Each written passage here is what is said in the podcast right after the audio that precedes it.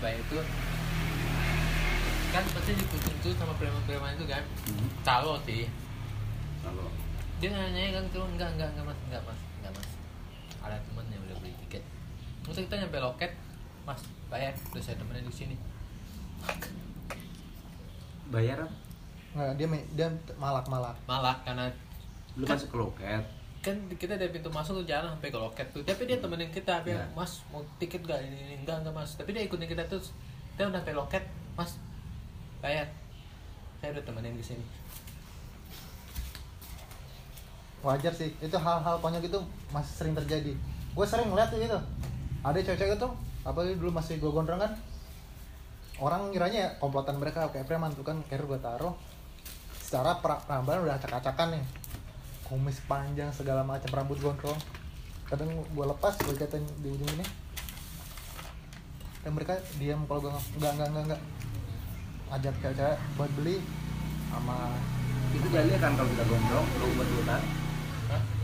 Kalau kita gondrong, gerai. itu nggak Lu bilang enggak aja kabur ya. Udah. Nggak, tapi kalau identik dengan apa ya mungkin karena Lah kalau dia enggak acak-acakan kali rambutnya. selalu begini gue gak suka gerai nggak walaupun gua diikat tetap aja kelihatan acak-acakan memang, memang tampilannya udah Iya, tapi kan rapi. mata gak bisa bohong kayaknya Iya. Eh, Ais. Kayak gini, Gus. Ya emang mata itu yang nggak bisa bohong. Lu giniin aja, lihat aja matanya. Kalau berani kontak. Ya kan, pertama kan eye contact. Lu perang di eye contact. Lu menang. Ya setidaknya kalau lu berusaha menang aja, mereka udah pikir-pikir. Males urusan sama orang kayak lu. Tapi bisa aja karena dia kalau rese kan lagi nyari musuh bisa jadi masalah. tapi itu sejauh ini gua paling nggak ma- belum belum belum mampu di sini aja dihubung sini aja Gimana? dihubung sini aja selain itu gua nggak pernah ngerasakan eh, apa Intimidasi. iya oh sama di sape tuh tapi dulu masih gua belum gondrong Bisa apa? gondrong kemarin nah kebetulan udah kenal sama teman-teman yang di Bima kan rata-rata orang sampai sana kan. Hmm. jadi udah santai-santai aja anu preman-preman sana. Ke sana sedikit kekerasan juga. Main tarik-tarik. Narik eh, apaan sih? Gue bilang orang nggak mau naik bus kok suruh naik bus nggak ada duit. Ayo kalau mau kalau mau kasih gratis naik nih. Kalau nggak mau gratis ya jangan paksa tapi kalau mau Sulawesi itu anjir. Mau ke Toraja dari Makassar perjuangan berat. Sape emang juga itu sih kriminalnya? Emang gua ngeliatin sendiri kayak lagi di dalam kapal ngeliatin mereka ngecopet gak bisa ngapa-ngapain diem aja daripada korban juga. Rame mereka komplotannya. Kalau seandainya satu atau dua orang nggak buat sajam sih masih berani lah.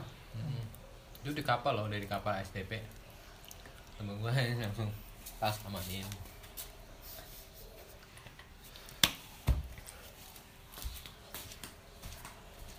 tapi, tapi nggak tahu ya di Pelni sekarang udah aman apa enggak ya Ubung, Ubung sih gila sih kantor polisi di depan ya. Ubung, ini kayak gitu kayak kantor polisi di depan loh. Calo semua. Maksudnya apa? Preman. Iya beringas. Preman apa calo? ya Kalau semuanya kan preman juga sebenarnya. Iya lah, gue sih bodo amat. Di situ muter-muter tanya-tanya kagak kagak. Terus terus nanya yang beneran nanya yang dikasih tahu. Gue yang paling Tapi kayaknya emang keneknya juga udah kerja sama. iya pasti lah paling suwe itu calonnya tuh udah pakai pakaian yang kita kira dia karyawan resminya, restu mulia. Ternyata bukan. Ternyata dia calon. Calo. Dia bisa pura- juga dia emang pura-pura pura-pura duduk di stand restu mulia. Mas mau tiket, tiket tunggu ya nanti ya. Berapa eh, ke Surabaya berapa? Oh, seratus seratus berapa dia? Terus nanti udah ntar tunggu jam buka.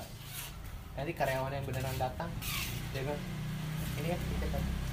Bukan. Kampret.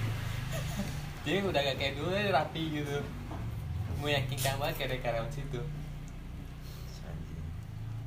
Katakan oke dia belum buka. Restu mulia eh, calonnya tuh pakai meres meres apa kan restu mulia kan ungu kan. Tapi gue kaget itu juga ada coplon restu mulia tapi banyak banyak apa PO PO gitu. Tapi biar mankingnya nggak dia dia karyawan ya. Jadi duduk situ gue datang gue kan udah lewatin cowok semua langsung dapet loket gue sekarang harus tunggu dia kan. Pas tiket eh, itu ke Surabaya. Waktu itu 100 berapa berapa dia kasih. Tau gak oh udah naik bukannya 90-an ya enggak udah naik 100 berapa gitu? 125 apa 30 waktu itu. Mau nanti ya tungguin. Itu itu karyawan saya datang kayak kayak begitu udah meyakinkan banget. Setelah gue lihat beneran karyawan datang buka pintu masuk. Masih calo ke bangke. Pak ini ya tamu saya satu. Calo rapi banget. Ini nggak bisa kita. Itulah harusnya dibiasakan tapi kalau pertama kayak di mana? Di Surabaya mulai rapi sih. Kayak di Murasi tuh satu sudah terstruktur walaupun mereka di luarnya masih sering ngumpul-ngumpul. Tapi kecuali kayak orang baru datang baru turun kayak Damri dari bandara ke terminal. Paling nunggu-nunggu penumpang yang mau keluar. Tapi kalau di dalam sih udah rapi sih. Nah gue belum ke Bung Rasi yang udah rapi ya. Ya so far pengalaman gue ke Bung Rasi masih hancur-hancuran. Ya Kalau terakhir kemarin masuk Bung Rasi aman-aman aja. Maksudnya ini udah pintu gate-gate-nya udah ada nih. Gate satu ke mana-kemana. Lu naik, lu bayar di di anu bis jalan baru bayar gitu. Udah udah udah rapi sih. Tapi gua nggak tahu ya kalau untuk untuk antar lintas provinsi ya. Kalau untuk masih di Jawa Timur aja rapi. kalau lu hitchhike nunggu paling lama berapa lama Hah? Pernah nunggu paling lama berapa lama untuk dapat tumpangan Berhari-hari. anjir Itu di? Sulawesi. Sulawesi ya Aku pernah dapat tumpangan 500 meter, 1 kilo, 2 kilo. diturunin Iya orang pick up terus motor. oh So- Soalnya di sana kan jarang, jarang ada ya truk-truk. lintas lintas gitu Nah, kan kebanyakan di drop pakai kapal. dan kemarin mereka travel kan Nah, yang ke luar kota kecuali pas dapat mobil yang mau ke keluar provinsi, keluar daerah. itu Nah, si masih potas gede ada parang di dalamnya pokoknya yang aman tuh lepas dari Palu. Pokoknya dari Sulawesi Tengah lepas Palu ke arah Gorontalo. Pokoknya titik teraman tuh di Gorontalo doang. Menurut gua. Masuk di Sulawesi Utara chaos lagi. chaos gue pernah nunggu di pelabuhan Kayangan Lombok baru masuk di Sumbawa kan. Ah, ya bego gue gue jalan ke ada kan ada gate Gapura gede gitu. Kayak selamat datang gitu. Gue dari pelabuhan jalan ke situ lumayan kayak satu kilo. Udah dari Pototano. Enggak, udah masuk ke Kayangan. Ah, jadi gue mau nyari tumpangan jadi gue jalan keluar dari pelabuhan Ah. sampai ke ada selamat datang di Lombok gitu. Jauh, cuy. jauh kan gue jalan. Oh, lebih dari 2 kilo itu. gue kirain ya bisa dapat lah ya kan tumpangan di situ ya kan. Gue kalau nggak salah nyampe jam satu apa jam 2 nunggu sampai jam 8 ya ada satupun yang ngangkut anjir. Sampai orang lokal tuh aja kayak ini orang kok dia kayak datang sunset gitu sama pacarnya atau gitu gitu terus ngapain situ ngomong aja ngobrol gua mau ke mana ini? Ini mau ke Bali tapi gak ada uang ini wah mas jangan tunggu di sini. Di sini kan emang tahunya orang Lombok Timur itu bekal apa segala macam nggak nggak beres. Jadi mas kalau tunggu di sini nggak bakal diangkut. Mas kantor polisi aja minta polisi minta tolong polisi. Jalan balik lagi coy ke pelabuhan. Polisinya pada lagi nongkrong nah polisi polisi yang itu yang minta jatah gitu kan nongkrong nongkrong mana? Pak saya tolong nggak? Kenapa? Saya mau ke Bali tapi gak ada ongkos. Nah ada ongkos ini saya lagi keliling Indonesia gini gini, kan? Biasa cerita Hmm. perjalanan kita kan terus kasih lihat video perjalanan kan. Wih masih keren. Ini di mana nih? Ini di kau kasih video yang kenawa. Di kenawa nih dekat tinggal nyebrang wis wih. tenang mas saya cariin. Oke, mau ke mana? Bali kan? Iya. Ada truk lewat gitu yang gede. Prit. mau ke mana? Bali hmm. ini angkat ya kasih makan ya. Tolong amanin sampai jam Bali Emang itu kali pertama lu hitching. enggak eh, udah masa kan udah hitching dari Alor sampai Masih nggak macam dapat. itu cuman di Lombok tuh benar-benar gue eh itu gue gak tahu kalau situ kan rawan gak ada yang ngangkut Oh. akhirnya ya, gue baru pertama kali juga minta tolong polisi ternyata segampang gitu Nah ya kalau minta polisi emang itu kan aparatur negara melayani masyarakat. kalau menurut gua polisi tuh paling efisien lu tersesat habis duit kantor polisi itu tempat-tempat ramen gue pernah dikasih makan gitu itu sebelum masuk toraja kan anjir udah maghrib. Gue pernah mau masuk masjid dikira teroris kan? Mah, mending gue ke kantor polisi tidur. Tidur di sana tuh dikasih makan. Mau ke mana dia saya mau ke Toraja pak. Habis dari Toraja saya mau ke anu ke Palu mau ke Gorontalo. Gue jauh sekali. Iya. Terus kenapa cari tumbangan saya nggak punya nggak nggak punya uang pak. Lah kok bisa kamu nggak punya uang jalan-jalan? Ya namanya kita pengangguran gembel gini ya. Jalan aja pak dibantu Itu ya. cari tumbangan yang dulu gua pernah di kereta ketemu satu ibu-ibu itu dia ceritain ke gua itu sebelum gua traveling itu maksudnya gua kayak nekat juga dia cerita tentang dia TKW gitu kan. TKI apa TKW sih sebutannya? Ya itulah. Kalau cewek TKW hmm. jadi dia bilang hmm, dia udah ke seluruh Indonesia ini tapi numpang. Siapa? Ibu-ibu. Oh. Misalnya dia ke sana mau ke mana, ke mana mau kerja gitu kan. Dia bilang Dia bilang- kasih tahu gue kan Gue gue juga suka nyanyi Dia bilang Kalau gak ada duit sekalipun Dia bilang kalau masnya kayak udah kondisi Mengenaskan gak ada uang sama sekali Gak tahu jalan Gak gimana cara mau pulang Dia bilang Mas ke kantor polisi. Bilang ke polisinya tunjukin KTP Bilang kita mau pulang sini. Nah ternyata dia bilang Mereka tuh ada tugas Bahwa sama kita hidup di Indonesia kita bayar pajak atau segala macam itu ada duit yang membuat kita ngantar kita sampai rumah secara gratis. Serius? Serius tinggal nunjukin KTP kantor polisi pak saya mau pulang. Dalam kondisi saya udah tidak punya uang tidak apa apa apa pokoknya setiap polisi mau ke daerah ke daerah ke daerah ke daerah, ke daerah. lu dikasih makan lu kasih mobil enak sampai tujuan. Serius ada undang-undang kayak gitu? Ada. Mesti dia bilang ada. lu di Sabang sekalipun lu di Merauke sekalipun ke kantor polisi kasih KTP pak saya mau pulang tapi sudah gak punya uang. Sama kebijaksanaan deportasi lah. Itu ada undang-undangnya secara gue nggak tau gue teman nggak tau kalau ada undang-undang seperti itu. Ya gue juga baru tahu. Ya, emang udah ada uang begitu. ada. dan mereka malah senang karena mereka juga kan dapat uang. Gue baru tahu anjir gitu ya bu ya? Iya. Itu bahkan di luar negeri begitu dia bilang. Kita Oh. udah mentok nih. Kedubes tapi saya ke surat-surat ya ya pak saya mau pulang. Dalam kondisi ini ini diantar sampai rumah sampai kat- rumah dengan KTP dikawal cuy. Oh, gila lu baru tahu jadi waktu itu gue jalan juga nekat karena pernah dengar cerita begini ya. Sementok ada duit. Nah kantor polisi dah selama sebelum mentok juga pasti ada usaha dan Mm-mm. bisa jadi solusi dini. Tapi emang hiking tuh bener-bener itu kalau nggak survive ya beda sih. lain rasanya. Ya udah jangan bahas itu dulu. Gimana nih pengalamannya nih?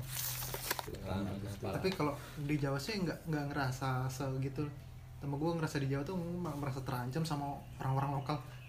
Gimana satu bahasa kan iya. Tapi tapi padahal gue kadang sering ngakalin.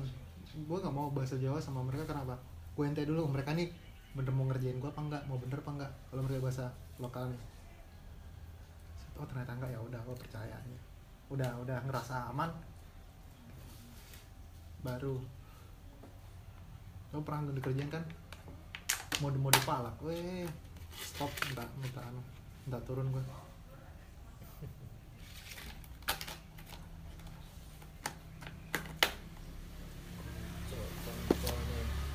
tetap pengalaman gue yang paling gampang hiking tuh Sumba Alor. Pokoknya daerah NTT yang Sumba Alor. N- NTB NTT masih masih menurut gua masih masih aman sih. Sangat sangat aman dan ramah. Dan sangat gampang sekali tinggal berdiri samping tek naik mas. Asal punya tingkat kesabaran lah ya. Kalau dia nggak nggak punya rasa kesabaran lu nggak bisa memprediksi titik-titik di mana wah gua ngetem di sini. Kira dapat nggak? Takutnya salah jalur. Hmm, Tapi- iya. Untungnya masih ketolong sama Google Maps. Ini jalur udah mau keluar kabupaten itu Tongkrong di Sumba tuh selalu tuh gua nggak cepet banget dapet anjir. Baru juga berdiri. Sung, terkelewatkan banyak banget truk kan di Sumba itu kan. Eh bukan yang yang itu yang kecil itu dah yang, yang bawa bawa kuda itu. Sama gua kan juga tambah kesusahan kemarin pengalaman tuh.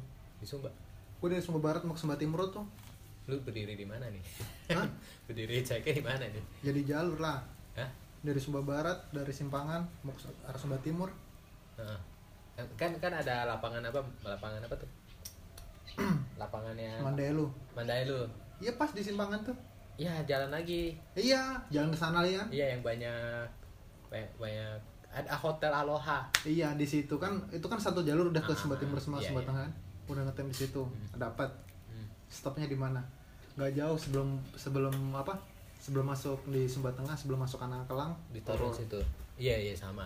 Nah, kan nunggu lagi truk masuk Sumba Tengah. Nunggu lagi. Dari Sumba Tengah gua ke- dapat motor. Motor sampai keluar mau perbatasan Nakalang. Nah dari dari perbatasan itu gua baru dapat kebetulan ada orang mau pasar di Sumba Timur kan.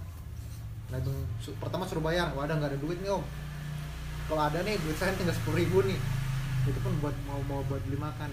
Ada suruh naik. Jadi dapat tumbangan ibu-ibu apa ibu-ibu yang mau ke pasar tuh mobil itu sekitar 4 sampai 5 5 kendaraan gue baru bisa sampai ke Sumba Timur. Tapi emang harus tahu jamnya juga sih gua juga gitu. Sumba Barat dapat cepet. Tapi tahu dia turun di Sumba Tengah itu anak alang ya? Iya anak alang terus dari sana yang, yang kotanya baru dibangun jalan baru yang dulu ada tiang listrik di tengah jalan. Ya. terus gue jalan lagi kan. Kalau lu tunggu di tengah kota itu pasti orang-orang Orang sekitar sekitar jadi aja. gue jalan lagi sampai sampai yang udah mau keluar lagi kan. Sepanjang jalan orang-orang kan nanya mas ada jualan apa? Kita bawa carrier kan. Ini kira orang Jawa yang jual-jualan kan. Mas mas ini ada jualan apa? Enggak bu. Jalan jalan jalan, jalan lagi mah udah agak nah ini udah sudah mulai jalur keluar kota nih. Udah mulai menunggu di situ. Terus yang bawa bawa kuda gitu lewatin. Wah mas kenapa Buh, bawanya kayak setan anjing. Gua kan bak belakang kosong kan gua di belak bak belakang kan. Lempar lu ya? Oh bangke ini buset. Eh guys eh, cuman ini kan dive center kan yang official ini Sunto ini. Master selam Heeh. ya cuman Kenapa? dia kan Heeh. sebalik. Iya gua kemarin bawa ke sana dive gua. Ntar hari ini baru jadi terus sebaliknya dari Sumba Timur iya itu gua dapat langsung sampai Sumba Barat. Nah, kalau Sumba Timur pasti ketemu kemudian langsung Sumba Barat. Iya. Mentok-mentoknya tuh orang yang hanya mau turun mana Sumba Barat. Oh enggak saya di Sumba Tengah oh berarti gitu. Aja. terus gua pernah sama bule ketemu di sini nong jalan bareng kan. Itu beda banget. Lebih gampang lagi bangke kan mereka seneng banget kalau ada orang bule kan. Nanti mereka keluarga cerita wih saya tadi ada bawa orang orang orang barat kan. Jalan-jalan. Gue kan pesimis kan karena kalau kalau hit saya gue gak pernah tuh mobil pribadi gue gak pernah incar mobil pribadi. Selalu truk-truk gitu lah ya. Itu sama orang orang bule dia dia dia juga hit saya kali ya. Jadi pokoknya ada mobil pribadi lewat. Eh dapat nih gue bilang. Hampir sumber barat aja kita sampai kita turun di itu makanya gue kenal orang sana yang mau ke arah Ratenggaro ah gue selalu kalau tamu gue gue buat tamu selalu bilang ini namanya bapak Agus juga. Jadi pokoknya habis itu kita anjir beruntung banget. Dari Jadi, anak. berarti kalau hitchhiking ada Dari komunitas Agus se Indonesia lu pokoknya Agus cari tumpangan gitu. Iya harusnya ya. Nama saya Agus. My name is tulisannya gitu aja. My name is Agus. I'm going to Sumba Barat Daya. tapi kadang sekarang kadang kadang suka anu prihatin juga ada minusnya. Memang nggak nggak masalah sih kalian melakukan hiking kan. Tapi paling nggak dibekali sedikit-sedikit ya. Ini nggak mereka asal nekat aja. Pernah gue dihubungin anak tuh di Sumbawa nggak tahu mau ngapain dia turun di Sumbawa kan bingung mau cari dia tembangan isi- hitching Hmm. nggak HP-nya mati, powerbanknya nggak ada, terus nggak ketemu listrik karena kebiasaan ketergantungan sama gadgetnya gitu nah. Nah, hal-hal se- kayak gitu kan seharusnya diantisipasi paling minim- minimal ya improvisasi sosialisasi kayak apa kayak kalau tapi kayak gitu jadi pengalaman Pengalaman hidup mereka sih itu. anjing bang gue dari dari. Sumbawa nih ke Bima gimana lah kok bisa dari Sumbawa. Siapa nih? Gue tanya. Anjir. Baru jalan sama anu kan? Lu nge-rescue ya enggak gue posisinya ada di Sumba. Oh. itu kalau di Jogja itu ada ICJ Info Cekatan Jogja. Jadi kalau ada orang-orang kayak gitu, gembel, dipoto, diupload ke ini. Grup. Ke di dia ada twitternya Komunitas. juga. Oh. Heeh, ada komunitas. Di di twitter ya Agusnya Agus dibuat tuh Agus sudah saya kasih makan. Ini dia kehabisan ongkos atau apa gitu ya. Makan di angkringan sudah diantar ke sini. Dikasih ongkos lah setidaknya atau beliin tiket. Tapi kalau di ano di setiap ibu kota aja terkhusus di Jawa tuh merasa paling paling terancam. Hmm. anjir kayak orang tuh intinya tuh mau mau anu aja mau mau apa? Mau duit. Ya mau duit mau ngakal-ngakalin lah. Entah itu di Jawa Timur Jawa Tengah atau terutama di ibu kota. Jakarta itu aduh. Gua nggak pernah nemu orang bener di sana. Nol mau dipalak minta HP lah. Enak banget mau minta HP. Apa di pinggir jalan gue diturunin di lenteng agung kan Sini HP nya. Nah kenapa lu ngomongin HP gue Syukur ada orang gue teriak-teriak. Minta tolong.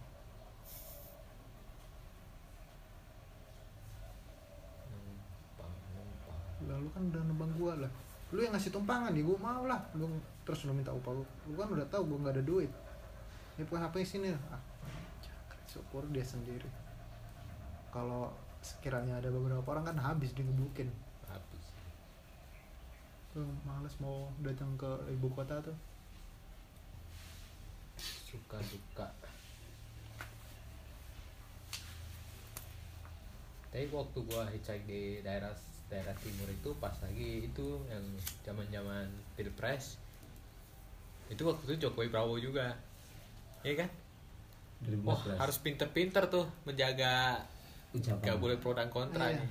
Jadi kalau di di satu Ya, di pro. pro yang ini ikut pro ini. Pasti Eh. kan obrolan sama supir truk pasti begitu. Iya. Gak ada obrolan lain. Pasti ke situ. iyalah Jadi- mereka walaupun jadi supir truk kerjaannya Jadi tapi hampir tetap hampir sepanjang jalan pasti bahas politik. presiden. Kalau dia pro Prabowo, kita harus bisa ngikutin. Kalau dia ke Jokowi, kita harus ikutin. Gak boleh ya waktu itu kayak gue kan gak nggak suka masalah beginian ya anjir ya ya udahlah kita mulailah actingnya Emang nggak mau. Eh, di sini prosedur kalau mau ikut pemilu di negeri orang gimana di Bali kan KTP kan mana Jakarta Kan bisa sebenarnya. Bisa? Kan udah kan Gimana? KTP nasional. Hah? ah gimana Kalau nggak salah tinggal lapor aja sih. ke siapa ke TPU nya Iya, ke sama, sama anggap aja tinggal di sini kan. Mm-mm. Lapor ke RT nanti RT yang ngurus itu sebelum ini berarti sebelum pemilihan. Kalau nggak salah gitu kemarin gua gua baca sih. Ah, nggak tahu dah. Ini dua-duanya abu-abu nih. ya gimana lagi daripada kepilih yang lebih jelek ya pilih yang jelek tapi lebih tidak lebih jelek Ya, sama-sama jelek maksudnya kayak lu milih kayak sekarang anggota legislatif ya kan caleg. Orangnya koruptor bisa nyalek lagi. Ya kan? Iya nggak? Nah, kayak milih yang siapa yang lebih korup nah tinggal cari yang korupnya sedikit. Modelnya kayak gitu. Saya bisa memilih untuk tidak memilih itu. ya itu itu ignorance is bliss tapi resikonya itu. Ketika kita memilih untuk tidak memilih jadi kita benar-benar nggak boleh bilang oh ini kok jelek sih ini ini pemerintahnya ya kita emang nggak memilih Iya, jadi nggak boleh ada protes, nggak boleh ada Hmm. sanggahan. Iya. Kalau milih setidaknya kayak inilah eh Trump itu menang karena apa? Di salah satunya kan banyak golput dan kedua di swing voters gara-gara apa? Logical fallacy. Logical fallacy itu nggak cuma di negara berkembang, negara maju juga masih terjadi. jadi Herman Bali tuh Gus. Eh KTP lu jadi Gus. kan belum Hah? Belum punya ektp? Oh, udah sampai sini aja lu. dikasih surket Ah, kayak kasih jasa. Hmm. Iya, surket Iya. berapa ukurannya kayak ijazah. iya iya tapi yang pasti sim gua udah jadi paspor udah jadi jadi itu bisa dipakai Itu mau ke mana? Hmm, paspor kalau mau pulang kampung enak. Pulang kampung. oh ya? kampung kita luar negeri ya. Beda ya sama kalian-kalian ke Jawa ya atau ke ah. Nice lu juga harusnya kalau mau pulang kampung lewat Singapura lebih enak. Nggak punya visa. Nah, bukan pakai visa Singapura. pakai paspor. Paspor doang. di Gua paspor. Kan ba- banyak kan Asia Tenggara kan vis- di, apa gratis bisa. bon visa. Nih, gua kalau dari Bali mau pulang ke Dumai lah, saya itu bandara terakhir Dumai. Sini Jakarta 800 ribu, Jakarta Pekanbaru 800 ribu, paling murah lah ya. Belum lagi bagasi segala macam. Nah, Pekanbaru ke Dumai 400 ribu, oke? Ya udah 2 juta. Eh, gue kalau dari Bali Singapura paling mahal 800 ribu lah, paling mahal lah atau biasanya 500 ribu malah ya kan. Singapura keluar ke Batam 200 ribu. anjir Batam ke Dumai 200 300 ribu doang. lah gua bentar wah tapi gua juga tiga tiga flight dong. Om sekarang aja gua dua flight. Ke? Transit Jakarta doang langsung ke Kuamang anjir. Di Kuamang. Bungo tinggal Kuamang satu jam. Di tempat gua kan Kuamang. Di mana tuh? di Muara Bungo di Jambi. Jadi kalau bandara aja di Jambi provinsi Jambi kan ada dua. Oh, Sultan apa? Wih, sadis banget. gua nggak pernah. Gua cuma pernah turun di, di Padang doang. Nah itu satu lagi di Bu Muara Bungo ke ini tinggal berapa jam Bisa Sejam. dicatat kabupaten yang punya dua bandara juga dong ya. kok kabupaten dua bandara punya lu Ya lu. bukan satu provinsi dua bandara Oh, satu provinsi. kan di Jambi kota coy satu Hmm. satu lagi satu di Teho di Jambi deket Jambi kota bukan Jambi kota di Teho Dan Dumai itu kok yang nyangka ternyata bandaranya tuh masih kayak Sorong. Ya tahu Sorong udah maju kali sekarang ya. Udah. Sorong kan pernah kayak kita kita pergi itu yang ngurusin udah- bagasi tau kan?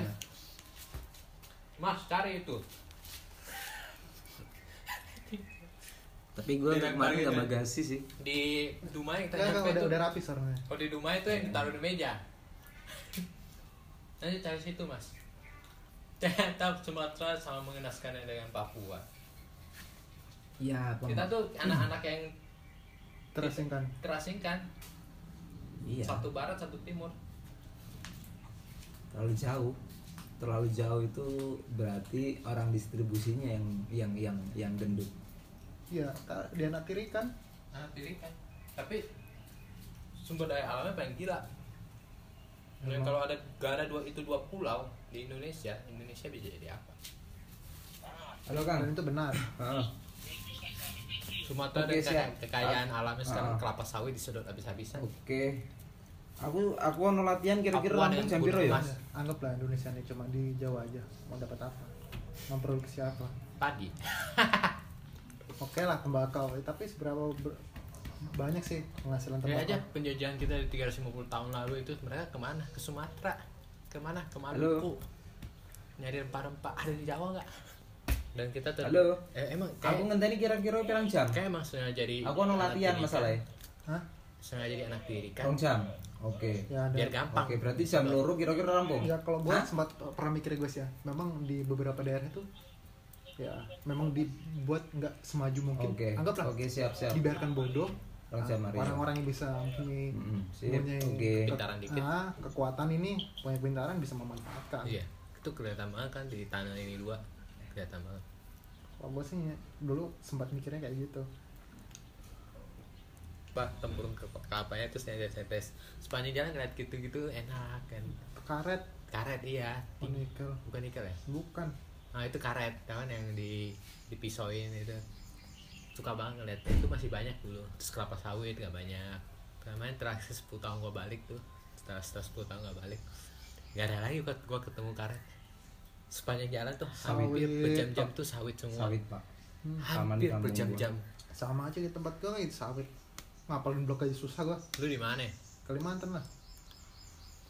Fuck, sama ini tiga pulau sama coy Papua juga besok kan Papua eh, Udah, ini yang ada iya, yang baru isunya nih. itu ada gecko apa tuh gila ya bisa masuk juga ke Papua mereka Masa bosan ngatin sawit tuh. Gue bilang, hawanya itu loh panas banget gue bilang masa ya nggak ada solusi, masa solusinya harus sawit Sahabat gitu untuk memper- Program- membuka lapangan kerja tuh. debat semalam nonton nggak Enggak. sama juga beautiful beautiful sama Nih. ya nggak bisa kita pungkiri apa pun barang kita sekarang hampir semua terkandung oleh palm oil jadi kenapa bisa sama merajalela ya konsumsinya juga itu tinggi. itu kita benar-benar pembahasan yang yang benar-benar iya bisa dibilang ada juga di situ. Terus lebih ke yang Papua deh konsernya karena Carson kan jadi konsernya itu lebih ke cerita Papua yang backstory yang gitu. Hmm.